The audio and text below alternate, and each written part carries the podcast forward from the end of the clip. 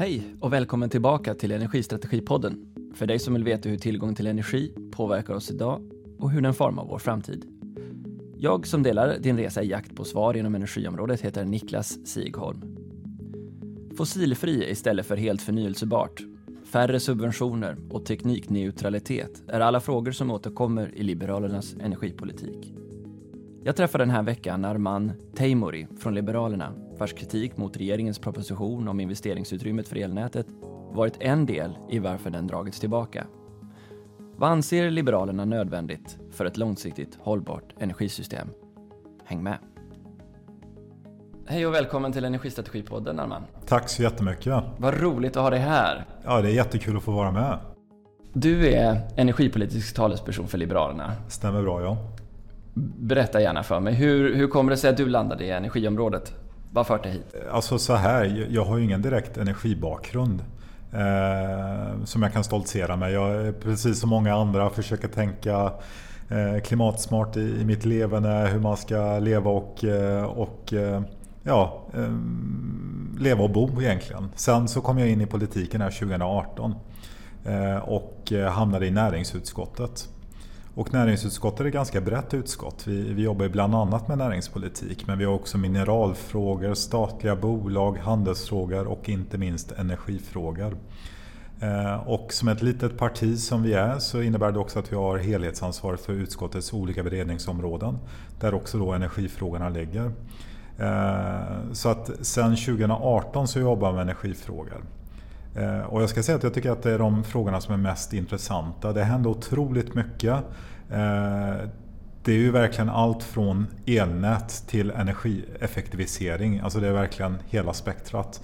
Där, vi har, eh, där jag tycker att, att politiken verkligen har hamnat efter.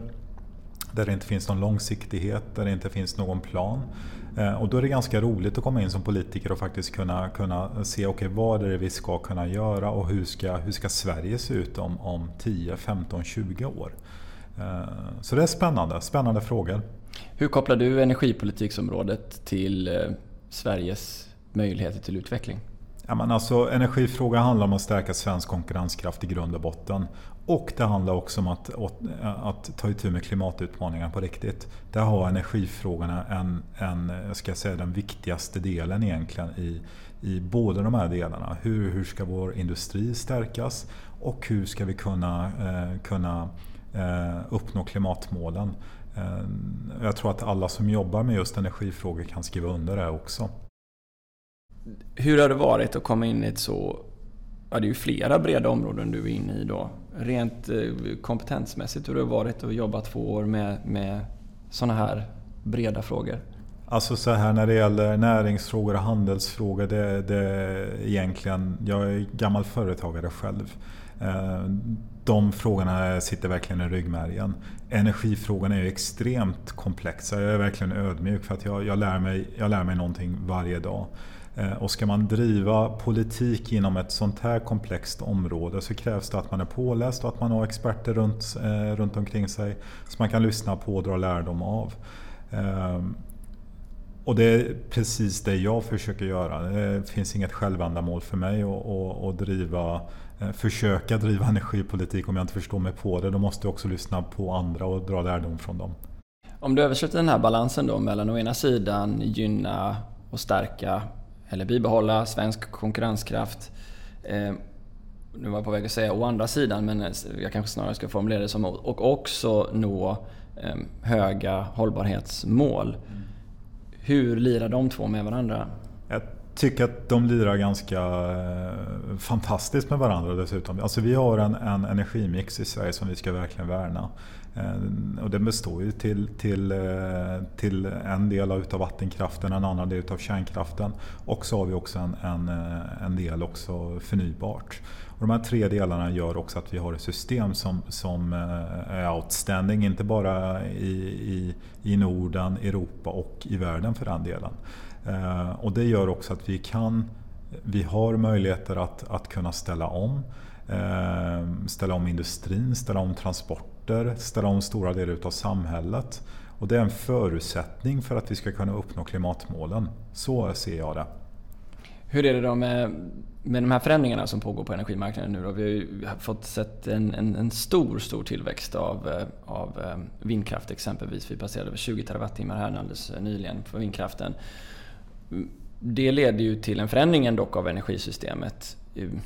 Är det rätt? Eller, eller borde vi ha kvar det som det var? Eller är det bra nu? Eller hur vill du se att det fortsätter förändras i så fall? Är det mer förnyelsebart vi börjar in i vårt system? Eller om du, de breda penseldragen här. Ja men alltså så här, alltså, tittar, man på, eh, kan säga, tittar man på Liberalerna så tror jag att det är...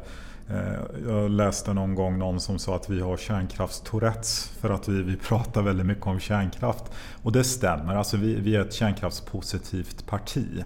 Eh, I grund och botten. Men det ser ju inte att vi inte gillar förnybart. Jag tycker att det är fantastiskt att det byggs. Jag menar, vi har, vi har en, vi har en eh, förnybar marknad som, är, som står på egna ben nu idag, som växer. Eh, men det gör ju också utmaningar till hela systemet i sig.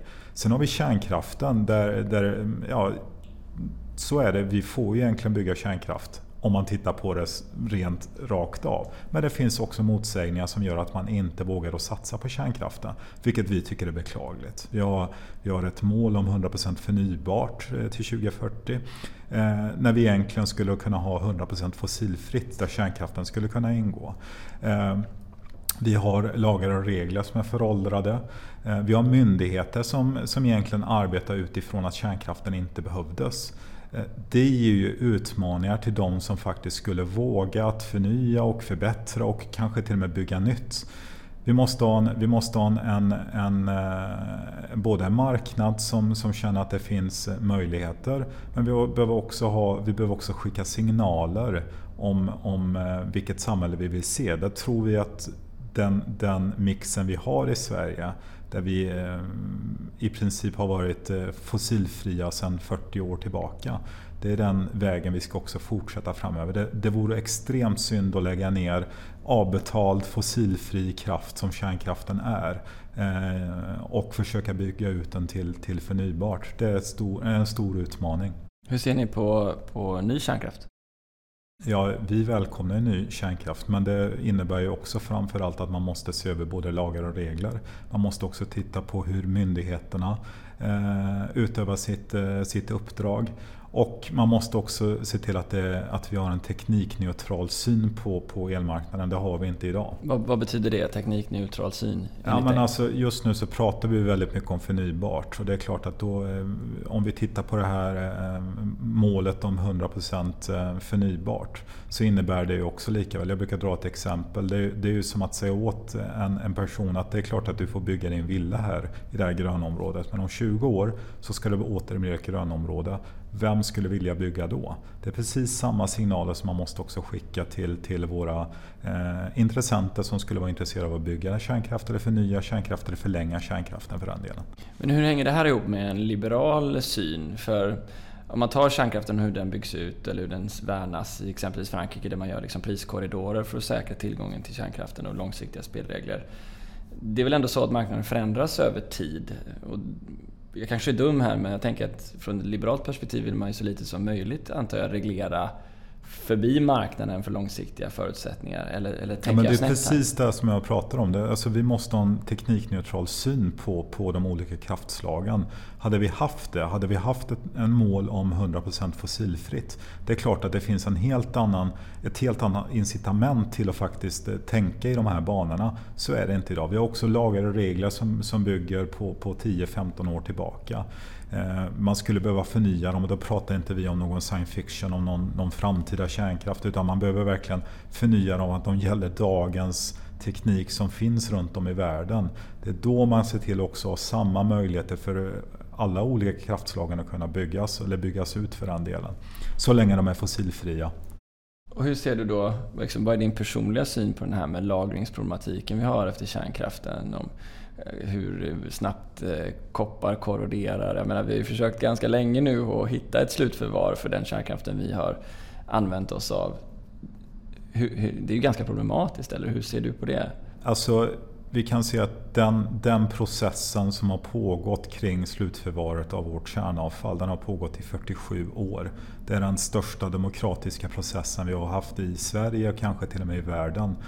Eh, som bygger på forskning, som bygger på, på samarbete mellan alla olika typer av organisationer. Vi har ett, eh, vi har ett eh, samägt eh, företag som, i, i, och med SKB då, som, som har drivit den här frågan. Vi har en kärnavfallsfond som har fonderat vad 19 miljarder som ligger där och väntar egentligen. Och jag, jag gläds åt att Östhammars kommun igår fattade beslut om att man, man vill bygga slutförvaret i Östhammars kommun i, i Forsmark. Eh, och det är ett, ett steg. Nu vilar det ett tungt ansvar på regeringen att faktiskt fatta ett beslut och det är ett beslut som måste tas här och nu. Jag tycker att vår generation som faktiskt har, som har byggt kärnkraften i Sverige måste också ta ansvar från ax till limpa. Och det är slutförvaret ett, den viktigaste eh, faktorn i, i det arbetet. Är du, är du orolig för slutförvaret? Att det, inte, att det, det är så många generationer vi behöver spara det, tänker jag. Hur, hur tänker du som person kring det? Vi lägger axla över ett ansvar för många generationer, många, många generationer i, i framtiden. Ja, så är det. Det är klart det vilar tungt ansvar på oss alla. Eh, jag tycker att den, eh, den eh, lösning som man har hittat, som också vi ska komma ihåg att exempelvis Finland har anammat och håller på att bygga här och nu Eh, är en, är en god lösning som bygger på forskning, vilket jag tycker är det viktigaste. Eh, jag menar, hela, hela miljörörelsen har ju pratat om att man måste förlita sig mer på forskningen och det här är ju någonting då, eh, har vi 47 års erfarenhet utav, då måste man också faktiskt våga och ta steget till att göra det. Det är klart att det är, vi, vi pratar om en, en en lång tid framöver oss, eh, uppemot 100 000 år. Och det är klart, då måste man ha en lösning som fungerar. Och det tror jag att har man 47 års forskning på det så har man också en bra lösning. Men det finns ju också spännande delar med det här. För jag menar, tittar vi på eh, vad, vad, folk brukar prata i folkmun, den fjärde generationen kärnkraft eller, eller framtidens kärnkraft eller kanske till och med nutidens kärnkraft. Så finns det också möjlighet att återanvända kärnbränslet på ett sätt. Eh, och jag ser inte att det förhindrar, det ena förhindrar inte det andra. Vi måste ha ett slutförvar, det spelar ingen roll vilket system eller hur vi använder kärn, eh, kärnavfallet. Om vi kan återanvända det eller om vi måste faktiskt förvara det så måste vi ha ett slutförvar någon gång oavsett vad. Sen så tror jag att under den här perioden nu man kommer att bygga slutförvaret kommer det också ges möjlighet att till att eh, hitta nya användningsområden för kärnavfallet. Och det kanske till och med blir så att vi har kärnavfall som inte alls behöver ligga i 100 000 år, det kanske kommer till 1000 år. Eh, och det vore ju självklart jätteintressant. Så om jag tolkar det rätt här, så den kritiken som exempelvis Miljöpartiet och delar av miljörörelsen kommer av, där man absolut inte vill ha någon mer kärnkraft och, och målar upp det här som ett, som ett stort problem. Du, ser, du verkar vara mer av en teknikvän som tänker sig att det här, det här löser vi med forskning. Ja men alltså så här, jag menar eh, frågan om, om slutförvaret av kärnkraft kanske är den största frågan inom, inom de Eh, de som är motståndare till kärnkraften. Det är klart att hade jag varit i samma skor så hade jag försökt att motvikta detta för då tar ju också mitt argument slut. Eh, där är vi ju idag, där, där eh, Miljöpartiet har ett väldigt stort ansvar, Isabella Lövin som klimat och miljöminister som kommer att vara den som behöver fatta beslut i frågan. Det är också ett stort ansvar på hennes axlar just nu. Men det handlar om också att vi ska ta ett ansvar för, för Eh, det kärnavfall som, som vi har producerat, som vi har förbrukat. Ehm, för vi pratar ju om kärnkraften som en, en, bas för kraftproduktionen i Sverige och ni har precis lämnat in en motion eh, där ni dels eh, säger nej till regeringens förslag, ehm, i regeringens proposition ehm, och pekar på att det måste ske ganska många förändringar i den om jag läser er motion rätt. Men då kan vi komma över till liksom er ingress till det här och det är när ni pekar på de stora kriser som ni ser det svenska elnätet står inför.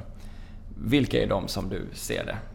Det finns väldigt många utmaningar när det gäller vi ska säga, hela svensk energipolitik egentligen. Vi har haft väldigt många kriser de senaste åren. Eh, jag tror att de som jobbar inom industrin har ett färskt minne av från förra hösten. Eh, pågen som var ute exempelvis och, och, och, eh, hade inte möjlighet att bygga ut sin anläggning. Pågen har ju till och med varit ute igen nu efter att eh, Ygeman har presenterat sitt krispaket och sagt att det räcker inte. Det är klart att det finns stora utmaningar. Vi har utmaningar där, där, där ministern och, och vi har både Socialdemokraterna, Miljöpartiet, Centerpartiet säger att vi har ett elöverskott i Sverige som i sak faktiskt stämmer. Men problemet är att vi har ett elöverskott i, i norra Sverige och det hjälper inte de som är i, i södra Sverige. Likaväl som man kan säga att vi, vi har ett eh, vi har ingen bostadsbrist i Sverige, vilket också stämmer. Men det hjälper inte den som ska flytta till Stockholm. Där har vi egentligen den stora utmaningen. Det är klart att ena delen så handlar det om kapacitet. Eh, sen har vi också ett ökat elbehov framöver som vi måste också se till att parera. Eh, och då är det ju liksom en stor stora utmaningen i södra Sverige just nu där vi inte har lika stark, vi har ju inte lika mycket vindkraft eller vattenkraft där, eh, där, där kärnkraften har varit en viktig del. Ni föreslår bland annat då i det här att eh, Ringhals 1 som, eh, som annars ska läggas ner ska få tillåtas till fortsatt drift. Är det en fråga, är det en skarp fråga för er att ni skulle vilja gå in och ändra hur, hur beslutet kring, kring Ringhals ser ut? Utmaningen som jag ser det, det är ju att eh, hur... Eh, det har ju inte gjorts några konsekvensanalyser. Vad, vad händer? Jag tror att ställer man den här frågan till Ygeman så kommer han säga att ja, men vi har ett elöverskott. Jo, men fortfarande så är det elöverskott i norra Sverige. Det hjälper inte de som bor i södra Sverige. Vi har kapacitetsutmaningar. Nu kommer Sydvästlänken förhoppningsvis komma någon gång här framöver. Men den är försenad, vad är det, 20 gånger. Vi får se om det blir en 21, 22 eller 23 försening. Eh, men det kommer inte lösa alla utmaningar i södra Sverige för det. Där kommer kärnkraften fortfarande ha en viktig, en viktig funktion. Det jag tycker är intressant, det som har blossat upp nu senaste, senaste veckorna, det är att det finns ju intressen som faktiskt kan se en fortsatt drift utav Ringhals 1. Där ser jag ju med spänning framöver och, och eh, om de kan hitta en lösning på en, en fortsatt drift, det, det återstår ju att se.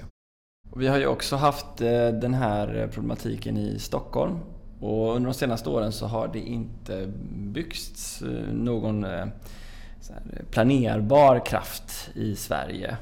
Ehm, som du ser det, varför då?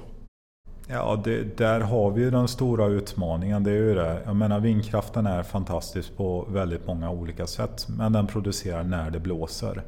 Eh, solen samma sak. Solen är framförallt under sommaren där, där vi egentligen har som minst behov.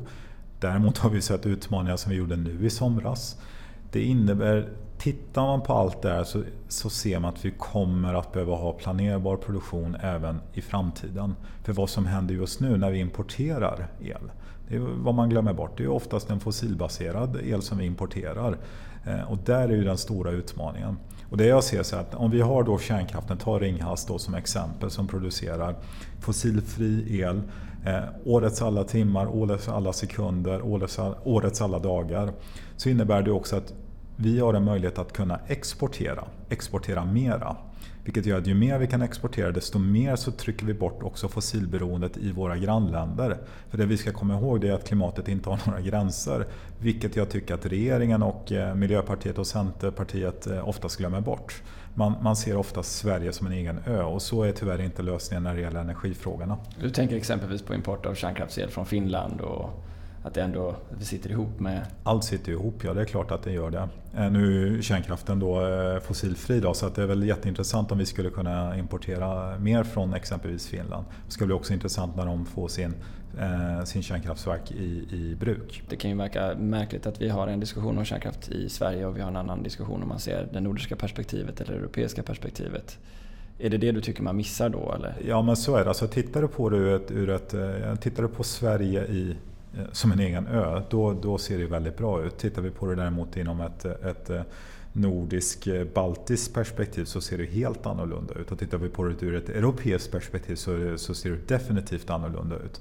Där Sverige är den grönaste när det gäller just produktionen utav el tillsammans med Norge.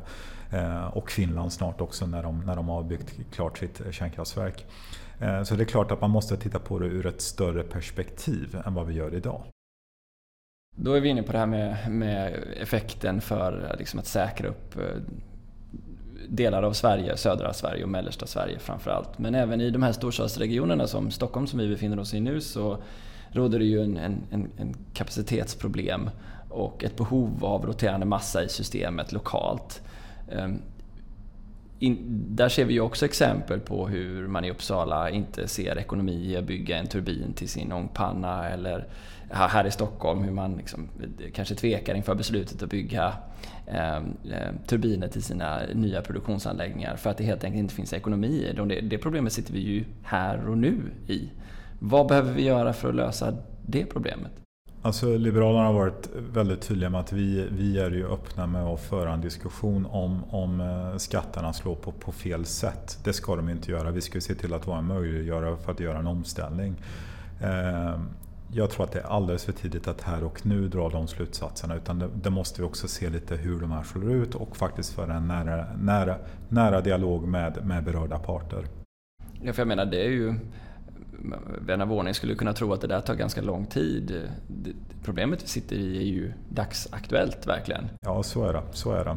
Men jag, jag tror att det är lite Lite förhastade slutsatser. Det är klart att om jag som företag också inser att jag måste betala mer så kommer jag också ryta ifrån. Sen ska man också komma ihåg att de här företagen har också gjort sig eh, bra vinster under väldigt många år och skulle ha också en möjlighet att kunna, kunna investera. Eh, men som vän av ordning också här så är det klart att vi för också gärna en dialog framöver om, om, om vi ser att det här slår, slår ut på fel sätt. Men jag förstår att du inte kan säga vad det är för typ av eh, elmarknad du skulle vilja se då, men jag förstår ändå att det ni är intresserade av är någon form av, eh, kanske inte kapacitetsmarknad då, men att säkra upp priser för planerbar kraft. Är det så jag förstår dig? Ja, men alltså, jag tror att det är både och. När det gäller kapacitet det är klart att vi måste också... Eh, alltså nät. Det är ju, det är ju grundfundamentet i, i den här frågan. Den är kanske inte lika rolig och spännande att prata om. Och det är det också vi har sett med, med den här propositionen som vi fällde under förra veckan. Eh, det måste också bli betydligt tydligare i hur elnätsbolagen ska investera. Där vi tycker att man måste, och det är rimligt att man investerar över den nivån som ellagen kräver. Eh, sen är inte riksdagen den, den part som ska komma och säga hur stor del man ska investera eller inte. Där har regeringen ett väldigt stort ansvar i att komma tillbaka till riksdagen med, med ett förslag som, som faktiskt innebär att, att eh, elnätsbolagen också har ett incitament till att investera men också krav på att investera. Just det, då är vi inne på den här dagsfärska frågan om huruvida elnäten ska få rulla över perioden 2012-2015 in i framtiden och kunna ja, ta och göra investeringar för det. Vad är det i det här förslaget som ligger från eh, regeringen som ni inte håller med om eller som ni tycker är för otydligt? Alltså regeringen och Ygeman har ju haft det här på sitt bord i eh, ja, vad ett år egentligen och återkommit och där riksdagen också varit tydliga med att vi, vi ställer krav på att, att man ska göra investeringar utöver vad ellagen kräver. Eh, det var hela tanken när, när, när den här propositionen skulle läggas och nu när den ligger på, på riksdagens bord så, så ser vi att så är inte fallet utan man kan egentligen minska sina investeringar och fortfarande ta ut pengar vilket vi tycker är väldigt fel. Det är ju, det är ju konsumenterna som får betala det här i slutändan. Eh, vad vi hoppas och tror det är att regeringen ska återkomma. Nu har de till och med dragit tillbaka propositionen. Jag tror att de gör det idag till och med. Eh, återkomma med ett nytt förslag. Eh, vi ska ju föra en diskussion tillsammans med det men det är fortfarande regeringen som har ansvaret att återkomma till riksdagen med ett förslag som innebär att det är incitament för att investera men också krav på att investera. Varför tycker ni det är rimligt då att eh, ta de här överföringarna? Vad är det, vad är det ni ser investeringarna bör gå till? Ja, alltså, det tror jag marknaden och alla är egentligen överens om att det, det behövs göra stora investeringar i elnäten i Sverige. Det, det, tror jag inte det råder någon tvivel om. Men vi måste också ha krav på att det görs investeringar utöver de kraven som ställs in, inom ramen för ellagen. Om man både lägger ett, ett väldigt tydligt avkastningskrav eh, och vill att det ska finnas ett investeringsutrymme så nämner ni också i propositionen, att ni, i, förlåt, i motionen, att ni vill ha någon form av liksom direktuppföljning av vad de här investeringarna, vad pengarna går till. Hur, hur, hur tänker du dig det? Ja, men alltså det är också en, en eh, fråga som regeringen måste återkomma med för att, för att egentligen svara på. Hur, hur ska vi göra kontrollstationer egentligen för att se att investeringar sker? Eh, sen är det också en sak, något som vi kräver, det är att de här krispaketen som, som Ygeman har varit ute med, att man faktiskt utvärderar dem för att se hur har de funkat? Vad har de kostat? Hur har det här gått till? Det är ju frågor som inte vi har fått svar på i alla fall i riksdagen. Eh, och som skulle vara intressanta för framtida eh, investeringar eller kriser om de nu skulle uppstå. Eh, men utmaningen just nu är ju i alla fall att, att regeringen måste återkomma till riksdagen med en proposition som faktiskt påvisar att, att man ställer krav på elnätsbolagen att investera och att investeringar sker utöver de nivåer som krävs inom ellagen. Så det är alltså man får ta med sig överrullningen från tidigare perioder? Ja, det är klart. Alltså, det, är ju ingen som, det är ingen som säger att de inte har rätt till pengarna. Det har till och med domstolen eh, fastslagit. Men det måste också finnas krav på hur ska man investera? Eh, och det är det som vi ställer, ställer till krav på, på regeringen som inte regeringen har svarat på. Det var egentligen hela tanken med den här propositionen. Och det är den här, eh, tittar du på det som det ser ut just nu så pratar vi egentligen avskrivningstider på 400 år. Eh, mer rimligt vore om man kommer ner på 40-50 år egentligen. Eh, men jag säger det, riksdagen är inte de, jag kan inte sitta och säga vilken nivå det här ska exakt vara på. Där har regeringen ett helt annat mandat, och en helt annan eh, möjlighet till att bereda frågan. Men vad har egentligen hänt här? För allting startade, hela den här diskussionen, eller delar av den i alla fall, startade ju i med pågen och problemet med utbyggnad och kapacitetsbristen i Skåne. Anders Ygeman åker ner och har ett möte tillsammans med E.ON och, och kommunen. Ehm, och så får man dubbla bud då. å ena sidan säger då eh, myndigheterna att överrullningen inte ska vara möjlig och nu så är den det. Vad, förklara för oss som inte varit insatta i det här. Vad är det som har hänt egentligen? Ja men alltså det här är ju också en eh, utmaning och vad vi kräver också i våra motion. Det är att man ska ju återkomma med vad de här krispaketen egentligen har inneburit. Jag tror att det finns en, en, en eh, en tanke möjligen och framförallt så är det så att de här frågorna inte hänger ihop. Eh, som vi ser det. Eh, krisen som var förra året har egentligen ingenting med överrullningen att göra i, i sig. Men man har försökt att smeta ut det här på, på, av någon anledning. Därför är det också viktigt att regeringen återkommer med, med en utvärdering av vad krispaketen faktiskt har inneburit, vad de har kostat, hur de har gått tillväga för att eh, faktiskt få till. Överrullningsfrågan däremot, det, det propositionen eh, avhandlar, det är ju egentligen eh, investeringar som, eh, där vi kräver att investeringen ska ske. Då, det, där jag pratar om att det måste ske utöver de nivåer som, som krävs inom ellagen. Och det var egentligen vad hela tanken var med propositionen. När vi har fått tillbaka den nu idag så innebär den egentligen att eh, elnätsbolagen kan i princip minska sina investeringar och investeringsnivåerna är alldeles för låga och inte vad Sverige behöver. Hur ser du då på balansen mellan det här med att eh, de ökade investeringar och subventioner för all del som vi har för förnyelsebart är ytterligare ett eh, eh, argument för elnätsbolagen att behöva investera lokalt. Som någonstans kommer att landa som en peng på, på elnätsräkningen. Hur, hur hur ska den balansen se ut? Är det nödvändigt att vi eh, liksom ställer om hela elnätssystemet som du ser det och tar de kostnaderna samhälleligt? För bara den här överrullningen är väl någonstans runt 30 miljarder kronor. Hur, hur ska den balansen se ut, tycker du?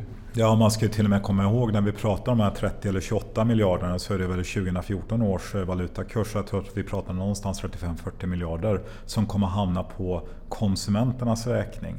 Och då är det ju inte industrin för de är ju bortkopplade från det här utan det är ju tjänsteföretagen och eh, ja, privatpersoner som du och jag egentligen som får betala de här pengarna. Eh, och det är klart, då måste man ju verkligen värna och se till att det blir en utbyggnad där kommuner som exempelvis äger elnätsbolagen tar sitt ansvar, där de stora aktörerna tar sitt ansvar. Eh, så det är ett helhetsansvar som ligger egentligen på där måste politiken vara inne och verkligen peka åt rätt håll. Och det innebär ju också att har vi då den här eh, ökningen utav, av förnybart så måste ju också, måste också elnätsbolagen likväl som producenterna ta sitt ansvar i frågan. Det är också en, en, en viktig del där man inte har svarat på frågor än egentligen hur man ska göra. Eh, och det, det, vi kan bara se det är att det kommer byggas mer förnybart. Så är det ju. Men hur ska man hantera det? Det har inte kommit några konsekvenser på det. Eh, och det finns egentligen ingen, ingen, ingen tanke på det från politikens sida just nu vi har ju många frågor här på bordet. Liksom. Det är en fråga om, om, om vilka investeringar och hur man ska finansiera investeringar. Det är en fråga om vilken lönsamhetsnivå elnätsföretagen eh, liksom kan investera och sådär. Och vi har också frågan om lokal kraftproduktion genom kraftvärmen och allting som här hör till det. Vi har hela det förnyelsebara. Det känns som att, och också naturligtvis hur det påverkar hela handelsfrågan när vi skapar flexibilitet i, på marknaden. Är det inte läge för en energikommission? Eller är det så här det ska gå till med propositioner och, och, och diskussioner genom motioner? Alltså jag, jag, kan säga att vi var ju först ut här. Jag, det var en av mina första delar när jag kom in i riksdagen 2018. Och kräva att vi behöver en ny energiöverenskommelse 2.0. För att vi ansåg att den inte var långsiktig. Dels hade man ju i princip eh, bockat av alla punkter men det fördes ju ingen diskussion om hur framtidens eh, elmarknad och elsystem och energi, eh, svensk energipolitik ska se ut. Utan det var ju verkligen här och nu. Och det är det som vi ser också när, när vi tittar på de här kriserna som kommer. För det finns ingen långsiktighet i politiken. Jag tror inte du kan fråga eh, någon på regeringskansliet om vad händer om, om två år. Utan det är väldigt mycket ad hoc-frågor där man löser på volley egentligen. Och det är ju inte, det är inte så svensk energipolitik ska vara. Det måste vara mycket mer långsiktigt. Eh, därav också våran tanke att man behöver ha en energiöverenskommelse 2.0 där riksdagens alla partier får, får vara delaktiga. Eh, Varför händer inte det? För det första ska ju tilläggas att Liberalerna var ju aldrig med i energiöverenskommelsen. Eh, dels så var det ju en, en del som handlade om subventioner, exempelvis till, till vindkraften med, med, genom elcertifikatsystemet. En annan del var ju också frågan om, eh, om eh, energimålen, om 100% förnybart som vi har idag. Där vi anser att man borde ha haft 100% fossilfritt. Och jag tror att stora dilemmat är också när det gäller frågan om 100% förnybart. Jag tror exempelvis att Socialdemokraterna skulle kunna skriva under frågan om 100% fossilfritt. Men sitter man i regeringen med Miljöpartiet och har ett samarbete också med Centerpartiet där det är de som får styra energifrågorna. Det tycker jag att det blir väldigt beklagligt. Men är, liksom, går, det, går det inte att få bort de här röda skynkena då? Jag menar, det är ju trots allt så att kärnkraftsfrågan den är ju, liksom, den är ju väldigt långsiktig. Det är klart att Ringhals 1-frågan kanske finns här och nu men men det verkar ändå som att de flesta, även Centerpartiet, är överens om att det som finns nu kan få rulla vidare. Det känns som att det är så många andra frågor som inte just är härförliga till just den diskussionen utan, utan som också behöver lösas som skatter på kraftvärmeskatter på elnäten och så vidare som ändå behöver tas här och nu. För mig som är lekman inom politiken, vad, vad, är det, vad är det som skulle behöva hända för att de här röda skinkorna ska åka iväg så att säga? Som gör att folk kan samlas runt ett bord ändå och prata om allting som ändå är gemensamt och överens. Det är ju ingen som ifrågasätter SVKs siffror här om hur, hur mycket el vi kommer behöva i systemet om, om tio år. Ja. Vad är det som händer? Ja, men jag kan ju säga precis som du säger. Alltså, nu kan jag inte kalla mig själv för en lekman inom politiken som jag ändå är eh, riksdagsledamot. Eh, men kommer man själv från näringslivet och, eh, och ser att det faktiskt är genom att sitta gemensamt runt ett bord och diskutera liksom tillsammans, då blir man lite skrämd när man kommer i politiken. Det är också väldigt mycket politiskt spel ska vi komma ihåg i det här. Eh, jag tror, ska vi verkligen se till att hitta lösningar på, på svensk energipolitik som är långsiktig, då krävs det också att regeringen tar sitt ansvar, ser till att bjuder in till breda samtal mellan riksdagens alla partier. Det är då vi också kan se till att skicka rätt signaler till, till hela branschen. Eh, och skicka rätt signaler också till svenska folket, vad de kan förvänta sig utav den här omställningen som sker just nu. Vad, när ska du, kan, kan du förvänta dig att du har el i uttaget 24 timmar om dygnet? Eller vad kan du förvänta dig? Ska vi kunna ställa om hela transportsektorn? Ska vi kunna ställa om hela industrin? Det krävs att politiken är långsiktig och att man sätter sig runt det bord och diskuterar. Om jag ska ställa frågan så här då. Så här, finns det någonting, eftersom du verkar också positiv, tydligt positiv till Energikommission 2.0. Eh, om regeringen bjöd in på det, till det eh, förutsättningslöst brett. Så här. Eh, finns, det någon, finns det något hinder som du ser det idag, någon förutsättning som du skulle kräva för att överhuvudtaget gå in i en energikommissionsarbete? Eller, eller skulle man inte kunna göra det ganska förutsättningslöst? Alltså, det är klart att vi kan sätta oss ner och diskutera men då måste, också, då måste ju ingångsvärdena vara också att man är beredd att rucka på sig något. Jag menar frågan om 100% fossilfritt kontra 100% förnybart. är vad vi tycker är vital för att Sverige ska kunna stärka, alltså vi ska stärka svensk konkurrenskraft och vi verkligen ska kunna ta itu med klimatutmaningarna. Och det är inte bara vi som skriver under det. Vi har ju flera andra partier inom Sveriges riksdag. Vi har till och med en massa andra organisationer, andra länder som skriver under precis samma sak. Om man inte är beredd att förändra den synen utan sitter kvar vid, vid samma syn som man har haft tidigare och man ser också att det ger utmaningar. Du lyfter ju själv vind, eh, hela vindkraftsbranschens utmaningar både vad gäller elnät och, och eh, när vi kan få elen etc. Eh, så måste man också se att det finns, man måste ha en, så här, man måste ha politiken, de här partierna som, som är motsträviga just nu, vilket är regeringen och, och Centerpartiet. De måste också vara beredda att byta position och se att det faktiskt var kanske inte rätt väg att gå in när det gäller att ha 100% förnybart. Jag tror att det är den eh, viktigaste frågan för att kunna sätta sig runt bordet. Där man skulle då kunna ganska lätt förstå att börjar vi då prata att klimatmålen ska stå överordnade de energipolitiska målen. Då skulle exempelvis frågan om 100% förnybart eller 100% fossilfritt inte finnas. För då skulle man också inse att det är 100% fossilfritt som är det viktiga. Och de här energipolitiska målen, det, vi kan titta inom forskningsväsendet och hur myndigheterna arbetar och så vidare. Hade de då fått utgå från klimatmålen då hade det inte varit några problem. Det är också en sån här, ett rött skynke som man skulle kunna ta bort. Där tydligheten till myndigheterna har varit mycket eh, tydligare. Mm. Och kan vi ge ett exempel på det här då? Som ett område som det satsas mycket på är, är vätgas. Liksom, hur, hur, ser ni på det? Ja, men det, där kan man ju komma tillbaka till det där vi, där vi anser att klimatmålen måste stå, stå, stå över det mesta. Där, där ehm, eh, vätgas, vi har, ju en, vi har ju stora investeringar som kommer ske på EU-nivå exempelvis. Eh, eh, där vi ser att det finns ju massa andra problem med det, utmaningar. Där man bygger in sig i system som eh, där det inte finns några garantier på att de kommer vara fossil, eh, fossilfria. Eh, där skulle klimatmålen kunna ha ett, en överordnad roll i, i diskussioner där Sveriges ståndpunkt borde ha varit det också för den delen. Men där man utgår liksom från helt andra liksom perspektiv i, i förhandlingarna. Vilket jag tycker är beklagligt. Så det innebär då, om jag förstår dig rätt, liksom att i och med att det ska vara förnyelsebart så riskerar man då också att missa de klimatpolitiska målen som handlar om de totala utsläppsnivåerna. Ja, men också, alltså klimatmålen måste ju ändå vara överordnat det, det vi annars gör. Annars så har de ingen, ingen syfte eller funktion. Eh, och eh, inser man inte det då kommer man också ha mål som blir, då stå, har vi mål som står mot varandra hela tiden. Eh, och det är beklagligt. Men, men, kan inte deras syn vara då att, eh, att man, man måste, liksom, precis som vi pratade om med andra tekniker som CCS, man måste bana väg för de här teknikerna även om det till en början kanske inte är är 100% fossilfri vätgas exempelvis som produceras så är det ändå viktigt att investeringarna i, i infrastrukturen görs. Eller menar du att binda dig som egen rygg då längs vägen? Ja men grejen är att det är precis det som är grejen. Det finns ju inga garantier för att de här infrastrukturlösningarna som görs nu då inom EU kommer att, kommer att vara fossilfria. Och då bygger man in sig i system som man inte kommer kunna ta sig ur ifrån. Eh, och det är också farlig väg att gå.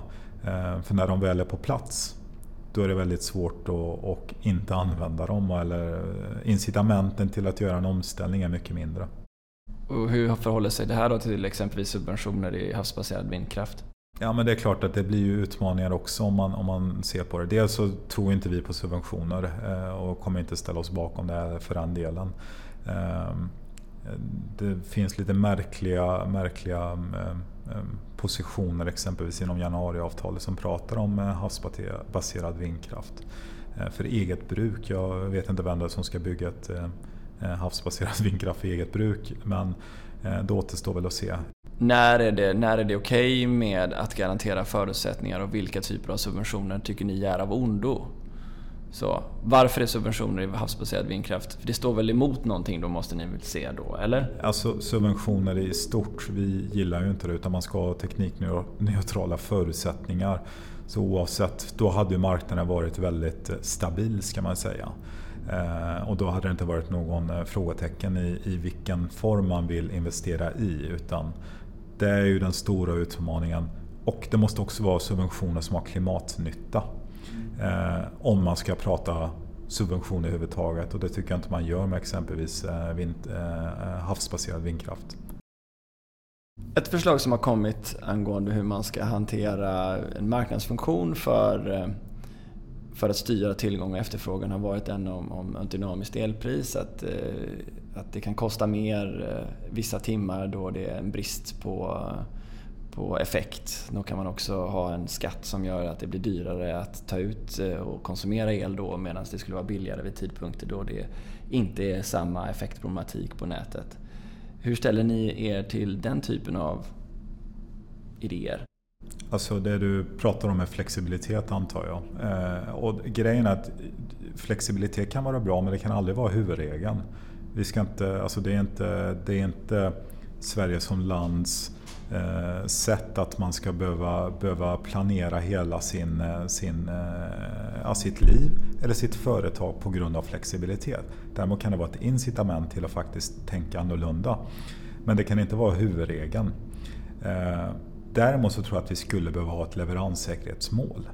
Ehm, I grund och botten, ja Sverige skulle behöva ha ett leveranssäkerhetsmål men man skulle också behöva ha ett, ett leveranssäkerhetsmål på nordisk nivå. För att se egentligen vad är det vi kan förvänta oss. Ehm, framförallt för industrin. Vad, vad, kan industrin förvänta sig? Det är en del i att faktiskt stärka, liksom, stärka den svenska konkurrenskraften. Och det som jag glädjer mig är att regeringen ska återkomma Eh, i februari nästa år tror jag med ett förslag på hur ett leveranssäkerhetsmål skulle kunna eh, kunna införas i Sverige. Och detta efter att det blev ett tillkännagivande som, eh, som Liberalerna var initiativtagare till. Så att förhoppningsvis så får vi ett leveranssäkerhetsmål där vi också kommer kunna se vilka konsekvenser, för jag tror att det kommer också kunna komma upp till ytan, som, som vårt system har idag.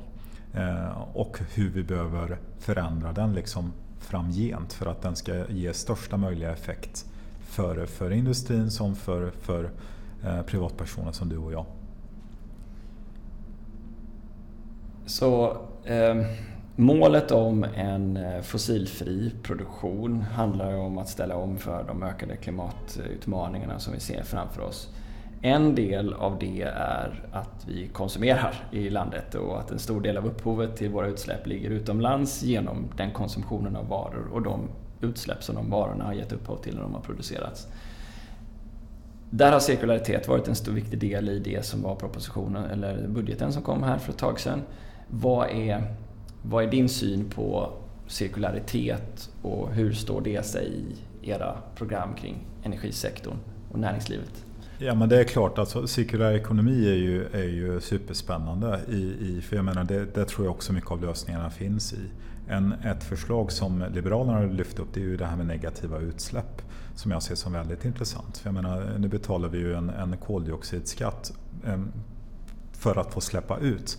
Det skulle vara minst lika intressant också faktiskt få betalt i den nivån som det kostar egentligen att betala koldioxidskatt om man kan, eh, om man kan få till negativa utsläpp. Och det finns ju dels eh, så finns det ju naturligt i, i, i Sverige genom exempelvis skogar men det skulle också innebära att man skulle kunna fånga in koldioxid och kunna lagra den. Där det händer väldigt mycket spännande. Både, vi har ju flera anläggningar här i Sverige men också där Norge har tagit en, en Eh, flaggan egentligen håller på att utveckla detta. Ehm, eh, och det kan man ju fråga sig, ja, men vad, vad innebär det egentligen och hur skulle man kunna utveckla det? Jag tror utmaningen är att också titta lite brett på lösningar. Eh, det är klart att vi kan ha en fossilfri elproduktion här i Sverige, men hur kan vi göra det mer? Det är ju inte bara elen som är det viktiga om vi tittar på omställningen. Det är också hur vi själva lever och lär. Eh, men också exempelvis när det gäller negativa utsläppen, att kunna faktiskt fånga in och lagra koldioxiden. Det skulle betyda mycket för industrin i Sverige exempelvis. Eh, och skulle också kunna möjliggöra att vi, vi eh, når våra mål snabbare. När jag pratar med, med ledarna för de här energibolagen som, där det är väldigt relevant att satsa på exempelvis CCS som som det kan vara i Malmö eller Göteborg eller eh, ja, Uppsala, Stockholm som ligger ändå ganska nära hamnar. Så är ju en förutsättning för att de ska våga ta investeringarna är ju att det finns någon form av garanti att det kommer finnas en marknad som kan finansiera den här produkten. I vilket, i vilket läge och hur bör regeringen, en regering, om man tänker sig att du sitter i den, resonera in, inför, inför en sån liksom, marknadsosäkerhet? Eh, Ja, men, jag, jag, säger det, där, där är det ju ganska tydligt med, med vad Liberalerna tycker. Liksom, så att, ja, om vi har en nivå på, på koldioxidutsläpp och en koldioxidskatt så ska man också på samma nivå också kunna få betalt för det. Eh, ifall man kan eh, fånga in det och lagra det, permanent lagra det. Så att det finns ett incitament till att faktiskt arbeta med, med CCS-teknik eller ja, negativa utsläpp överhuvudtaget. Och det som är intressant där är det ju fortfarande, det är dels inom industrin framförallt som jag ser det, där, där man kan hitta en, en, en fantastisk lösning egentligen på att eh, skära av stora delar utav, av svenska utsläppen. Eh, så det är ju superintressant. Det, där ligger man ju verkligen... Det kan hända väldigt mycket inom, inom en ganska snar framtid dessutom. Tekniken är ju ingen rocket science eller, eller science fiction för den delen utan den finns ju här och nu och den funkar dessutom. Så det finns alltså, om jag förstår det, ur en liberal eh, synvinkel också tydliga anledningar, inte bara för att säkerställa planerbar kraft men också för att säkerställa liksom, subventioner till omogna marknader det kommer exempelvis till koldioxidinfångning. Alltså, subventioner är ju något sånt här som man, eh, som man känner att eh, det, det tar emot lite i en, i en, liberal, en liberal själ att prata om. Ibland kan det vara nödvändigt. Ehm, men det jag däremot ser det är att det ska finnas incitament till att faktiskt börja arbeta med det. Likväl som man betalar koldioxidskatt så ska man också finnas en incitament till att faktiskt kunna eh, få betalt för, för negativa utsläpp. Och där är ju en liberal position som vi gärna hoppas att fler partier också inom, inom Sveriges riksdag ställer sig bakom.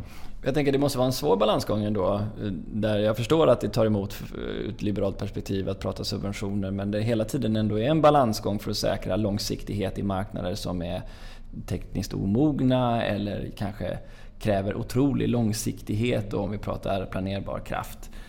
Hur går man den balansgången? Ja, men eh, en intressant del är ju fortfarande de här gröna krediterna som jag tycker både liksom, eh, som man skulle verkligen kunna arbeta mycket mer med. Eh, jag tror ju också att det finns, det finns kapital som är intresserade av att investera i gröna investeringar. Inte minst kan vi se det nu med, med exempelvis vindkraftsbranschen Eh, vi har till och med Blackrock som är en av de största eh, fonderna i världen som, som har valt att ställa om helt och hållet. Som har varit till och med den smutsigaste fonden en gång i tiden. Där man ser att det finns möjlighet att tjäna pengar på en grön omställning. Och det tror jag att det här ligger helt i linje med det också. Eh, vi har börjat skrapa på ytan precis när det gäller de negativa utsläppen. Jag tror att det här kommer vara en, en framtidsbransch oavsett om man är en internationell aktör eller en svensk industri som kommer också se möjligheten att faktiskt kunna tjäna pengar på sina utsläpp. Det låter på dig också som att du tror att koldioxidpriset kommer bli väldigt mycket högre i framtiden. Då om man ska klara av att knyta ihop det här med med, att, eh, med de målen som finns kring hållbarhet. Då pratar vi om flera hundra kronor per ton koldioxid. Jag, jag ska inte gå in och spekulera i, i vad, vad, vad priset ska ligga på. Det, vad är din spaning? Vad sa du? Vad är din spaning? Nej, men jag tror att min spaning är det att, det att den som smutsar ner måste betala.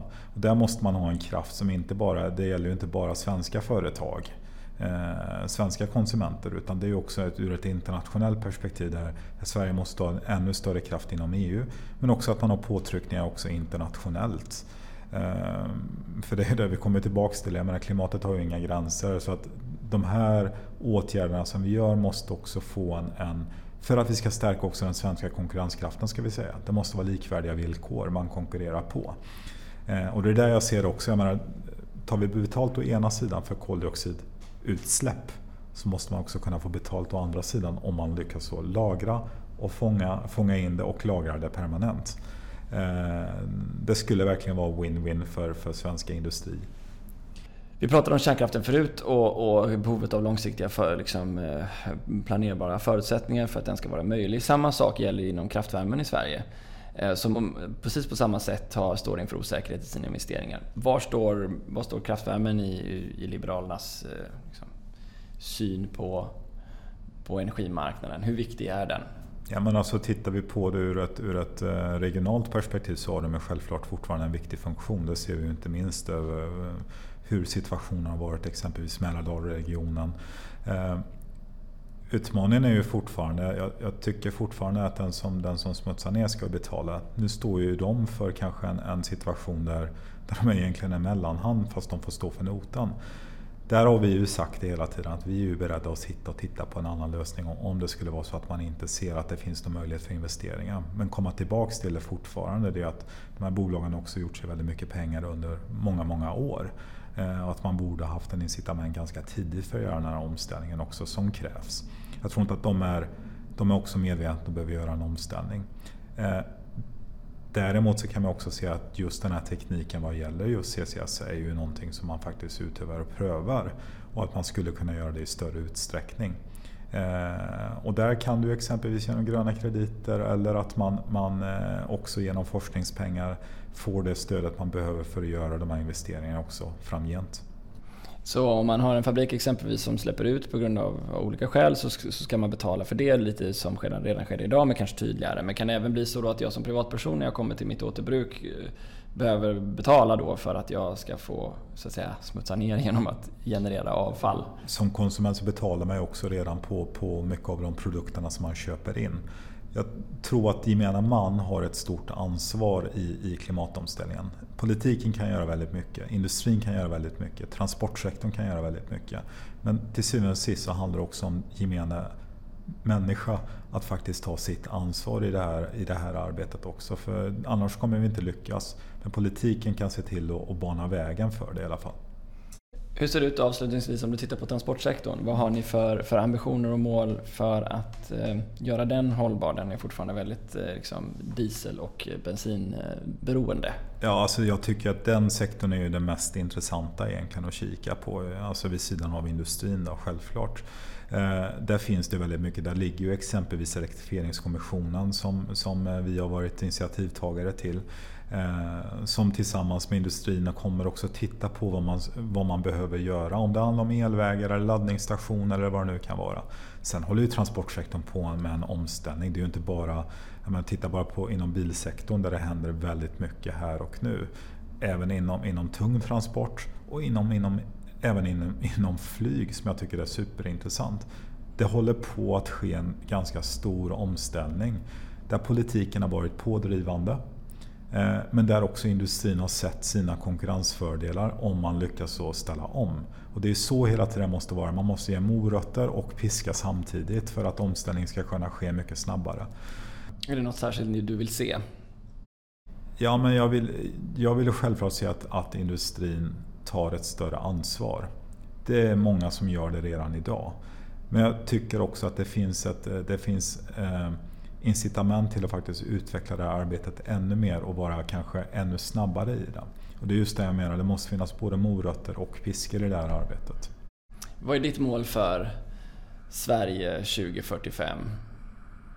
Vad, vad tänk, hur tänker du att vi, vad vi lyckas med då om, om du får makt och inflytande? Ja, men det är den spännande frågan. Eh, verkligen. Alltså, vilken vision har man om Sverige? Jag tror på ett Sverige som, som står sig väldigt starkt internationellt. Där man ser att de här äh, klimatförändringarna som man har gjort gör också att man stärker, stärker äh, svensk konkurrenskraft. Att ta stålet som exempel, kan vi klara av att, äh, producera fossilfri stål, vilket vi kommer göra inom, inom ett tag. Det kommer vara ett incitament och en, en väg för att visa för andra industrier runt om i världen. Vi ska komma ihåg att svensk industri står ju väldigt högt när, när det gäller de här frågorna internationellt. och Jag tror att det är väldigt många som sneglar på oss. Och kan vi driva den här frågan framåt så kommer vi också få med många andra länder och många andra industrier med oss. Och det vore väldigt intressant. Sen ska man prata energifrågorna i stort så är det ju så. Jag menar, 2045 så hoppas jag att vi, vi har en enad syn om att, att det fossilfria är rätt väg att gå. Att vi ska värna vår svenska energimix där kärnkraften måste kunna vara en naturlig del utav den. Och att vi också bygger ut mer förnybart för att det är intressant. Men kanske framförallt bygger ut den där den behövs. Hur, eh, hur positiv är du att vi når målet om klimatneutralitet? Eller hur du nu vill definiera det, 2045? Ja, jag tror inte så här. Jag, jag ställer mig väldigt positiv till det. Ja, och det som är, jag tror att vi måste våga prata tillväxt samtidigt som vi pratar om att uppnå klimatmålen. De som inte ser det, det är de som kommer vara hämmande mot svensk konkurrenskraft och den position vi har idag både inom Sverige och internationellt. Eh, och just med med den anledningen så är jag väldigt positiv för vi är väldigt teknikinspirerade, vi är väldigt nyfikna på ny teknik, vi, vi, vi verkligen för fram liksom ny teknik och det är det jag tror kommer också vara lösningen på det. Tack så mycket för att du var med i Energistrategipodden, Arman. Tack själv.